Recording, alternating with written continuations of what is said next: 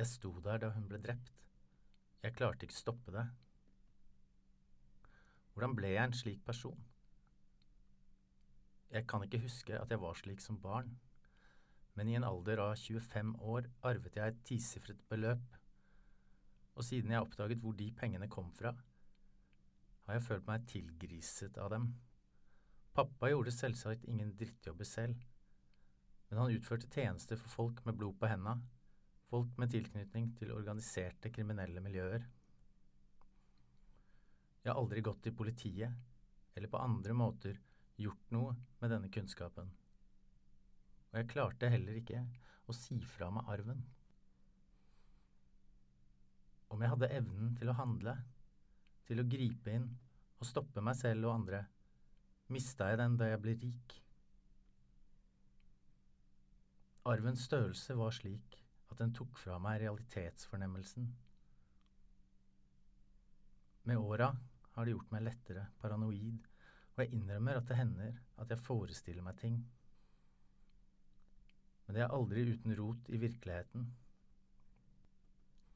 Så når jeg i tida etter drapet ble sikker på at min egen familie var involvert i hendelsene som leda til mordet, tror jeg ikke det er en vrangforestilling. Jeg tror jeg kunne forhindra drapet om jeg hadde gått til politiet langt tidligere. Det er tragedien. Det er jo ingenting galt med tankeevnen eller sansene mine. Jeg både hører og ser det som skjer omkring meg.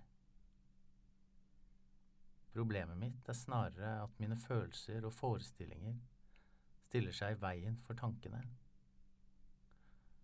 Alle terapeutene jeg har snakket med, har advart meg om at jeg lar meg passifisere fordi jeg mistror det jeg selv vet og sanser. Det er som med Ødipus, sa en coach jeg gikk til.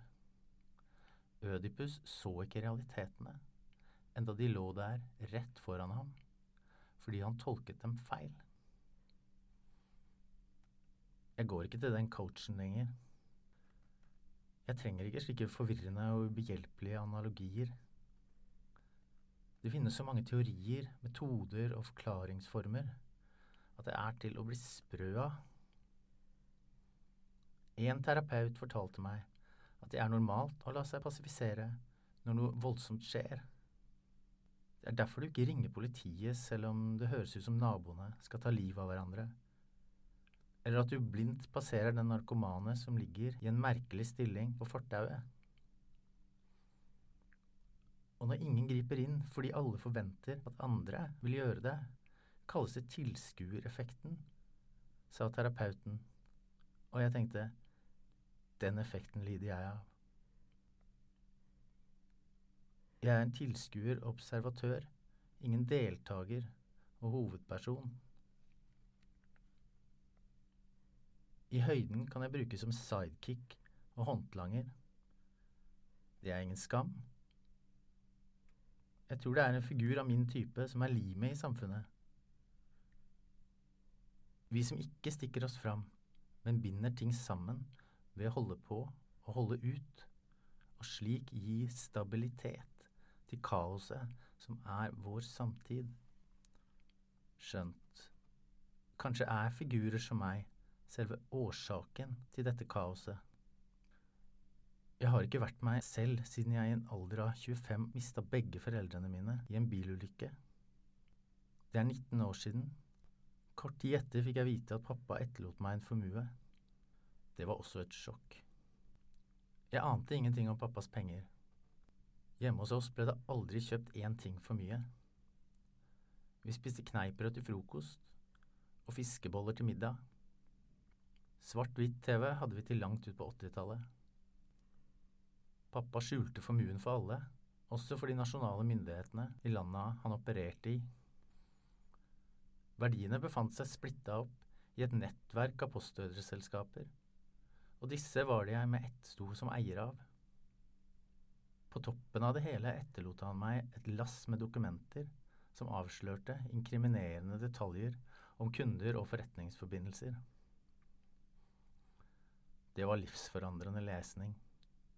Svart på hvitt sto det å lese at min families formue stammet fra kriminelle forhold og forbindelser.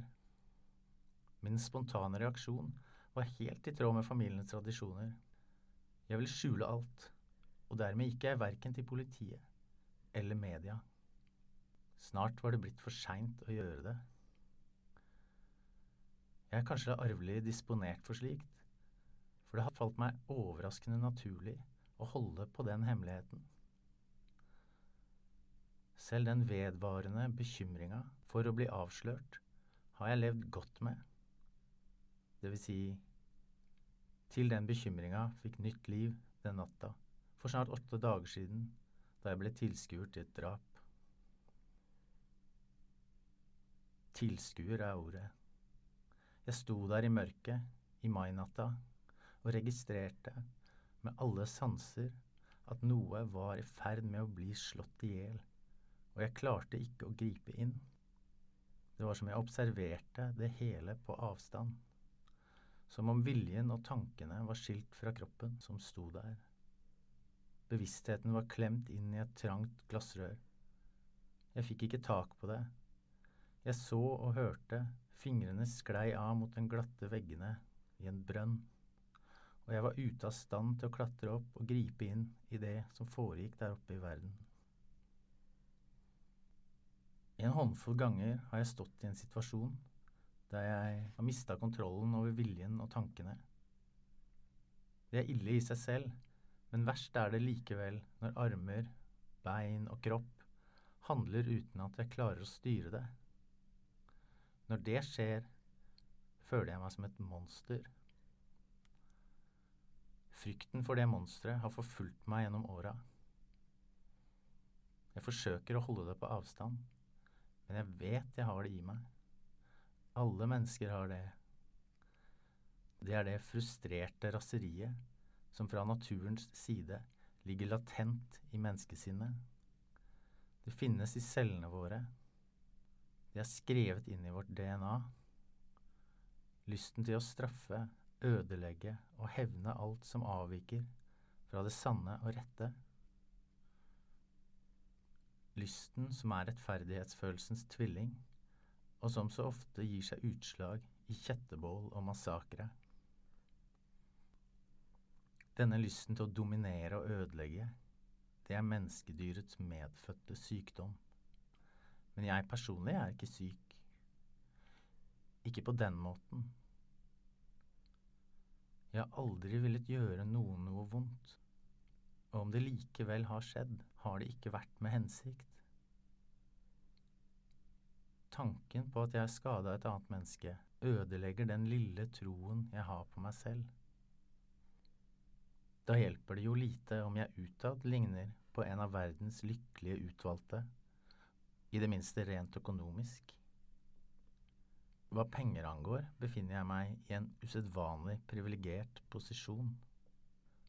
Bare noe så enkelt som at jeg har en 40% stilling som øyelege ved Sankt Sebastian-klinikken på Frogner, ikke fordi jeg har behov for pengene, men fordi jeg liker faget mitt og gjerne vil holde det ved like. Jeg er litt stolt av at jeg ikke ga opp studiet, og at jeg gjennomførte spesialiseringa jeg falt ikke for fristelsen til å leve livet formuen ga meg anledning til. Jeg pugga og sleit over bøkene. Først i 2010, 33 år gammel, var jeg ferdig med spesialiseringa. Gjennom en venn av familien fikk jeg forhandlet meg fram til en deltidsstilling ved St. Sebastian-klinikken. Jeg kunne jobba null prosent, men det skal jo være sunt å ha noe å gå til som flere av mine tidligere terapeuter har uttrykt det. Alle mennesker har et behov for mening og sammenheng i tilværelsen, og for mange kan en jobb tilfredsstille det behovet. Intuitivt lyder det jo riktig. Ellers er legeyrket egna til å gi sine utøvere følelsen av å gjøre noe godt. Det samme kan sies om den ideelle stiftelsen Akeso, som jeg finansierer jeg deltar ikke i den daglige driften, men jeg er med på å velge ut hvilke tiltak vi til enhver tid engasjerer oss i, om det er bygging av skoler, helsestasjoner, vannrenseanlegg eller brønnboring i en liten landsby, et sted i Afrika eller Asia, eller åpningen av et nytt kontor i vårt globale hjelpeprogram retta mot ofrene for moderne slavehandel og menneskehandel.